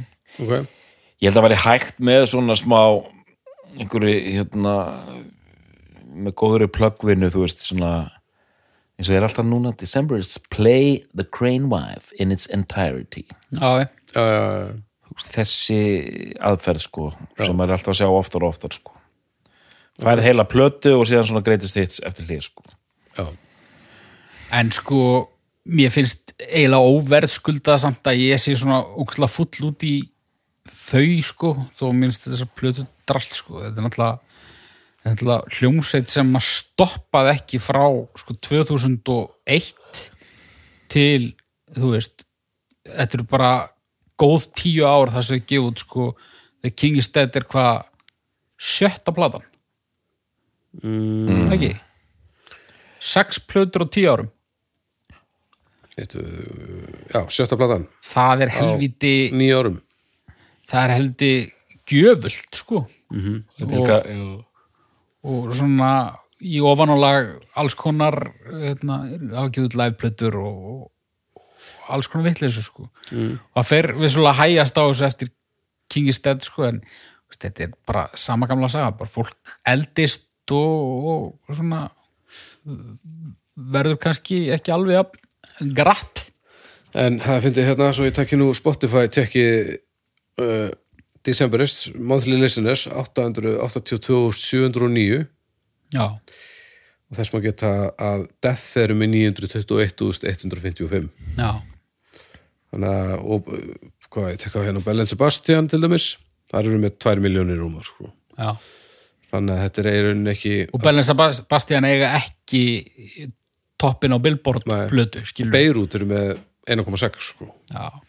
Þannig að þetta band er smærra heldur en það geti verið. Já, heldur en það gæti verið og það sem maður jafnvel myndi að halda sko. já, Þú veist, ok. það, það, það ég vissi að þau væri ekkit eitthvað með 20 miljón hlustendur á mánuði en, en, en þetta er tölvöld lægra satt en ég hefði giskað á sko. ég helst að það væri stærra band. ég held að væri aðeins starra sko. en og þetta er líka band, amerist indie band og þú veist við getum, skilur við getum tekið svona 500 þætti hérna með böndum sem eru bara svipu stærð mm -hmm. Shins Já. þú veist, Shins er svona ágæti stæmi með svona þokkala stórt Sufjan Stevens. Já, þú veist, þetta er svona hann, hann- hann er reyndar aðeins stærri sko, en, en ég er að pæla eins og Shins er svona band sem gaf út eina, tvær plötur, nú eru þeir aðeins að feita held ég bara í minningunni sko. The Sins er það ekki? Jú. eh, sem byrja 2001, þeir gera plötu sko 2017 og 18 Já, þeir eh, næstu þrjára og hálf miljón að hlusta á Sins? Shins, ok. Hljómsveitir eins og Death Cab for Cutie. Þetta eru þessar amerísku ég hugsa að það sé mun meira. Death Cab for Já. Cutie. Já, heldur það er þetta með emo vinkilin líka sko. 3,7 Já, þetta er svona Coldplay ameríska indisins, það er Death Cab for Cutie sko. já, Sufjan, hann er nú í átta sko. Já. svo fyrir með átta, ok. Já, já, hann líka búin að gefa út svona 800 blöður. Já, já. og hann líka var svolítið að semja lög til ákveðnar hópa þú veist. Hérna, þegar þú ert atvinnulegs í þessu ríki og eitthvað. Og þá kemur það að veist, hvað með og ef þú slærið inn Broken Social Scene? Kanadist indie band Broken Social Scene. Já, Broken, 710 þúst já, lítið. Aðeins minna en Decemberist. Þetta er bara Spotify náttúrulega. En, en þú veist en ágætis, ágætis vísbending. þetta gefur vísbendingar sko. Já, já. Uh, morðingjarnir uh, 507 Já. Það er nú meira með hvað við gerum nákvæmlega ekki neitt. Og djúvel er jólafettabóla að rústa þessu. Mönir er ekki ná Spotify sko. Nei, hún var að bæta úr því. Ég var að setja þessi lögin sko. Heri, ég ætla að fara að kalla á hérna, uppgjör. Já, mm, Doktor, Já, rosa gaman að fá tækifæri til að tala um þessa hljómsveit veist, við, ge- við höfum ekki gert mjög mikið af þessu að fjallum svona straight up indie hljómsveitir. Eins og ég líst þetta var band sem ég veist, vissi alltaf að fylgdist með smakkaði á þessum plötum og tek þarna tvær bara nokkuð grimt sem, sem starfsmaður morgunblassins Mhm. og, og ma- mundi alveg þegar ég var að fara yfir þetta ég þekkti þessar fyrstu bara ekki, ekkert vel en mundi eftir þessum tveimur sem hafa mest verið rættar hérna. Mhm. Og enda þarna á The Hazards of Love og bara ég, ég er bara búin að njóta mín. Búin að vera mjög gaman og, og, og mjög gaman að heyra svona þitt teika á þetta haukur sko.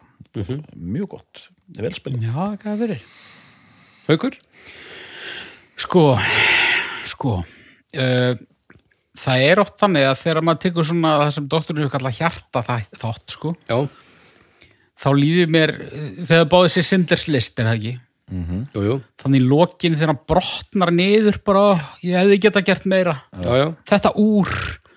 Já, já, hérna, þessi bíl, fimm geðingar, eitthvað. Já, já.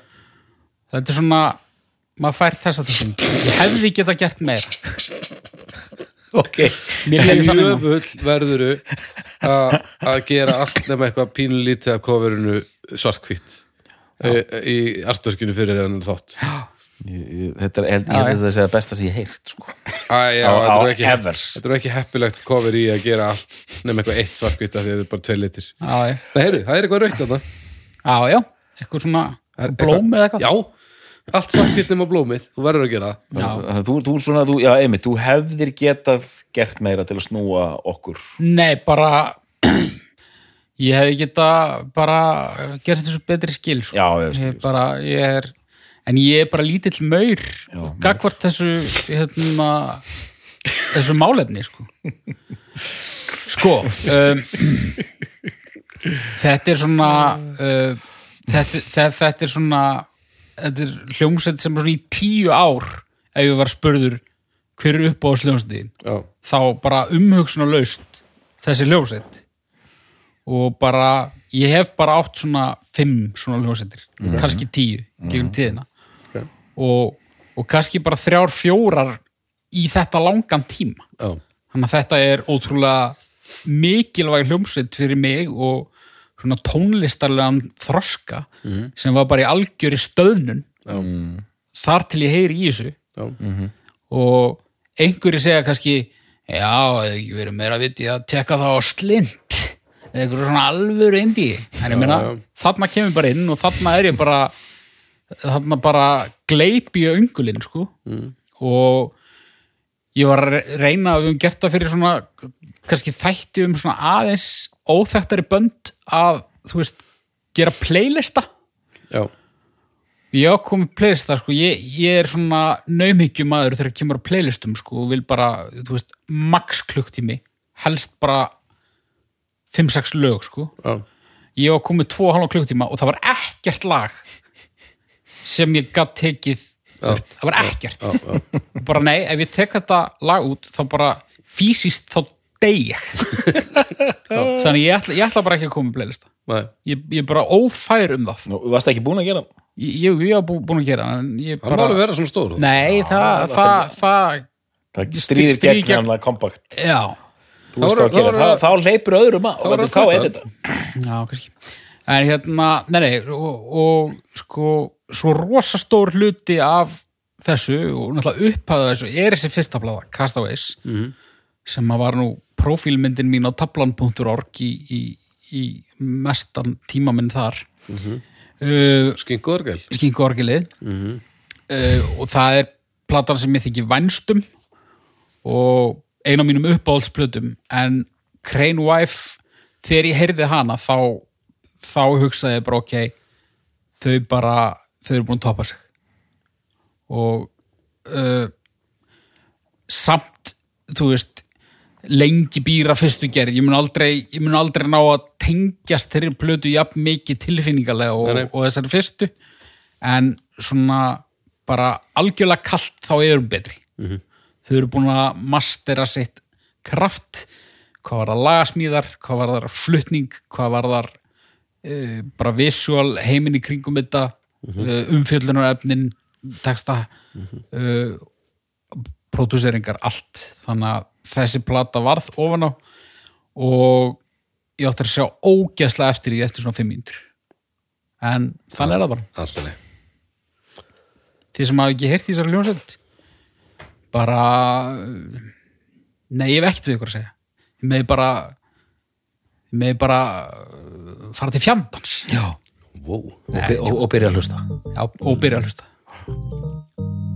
Þannig að Haukur Er þetta besta plata The Decemberists?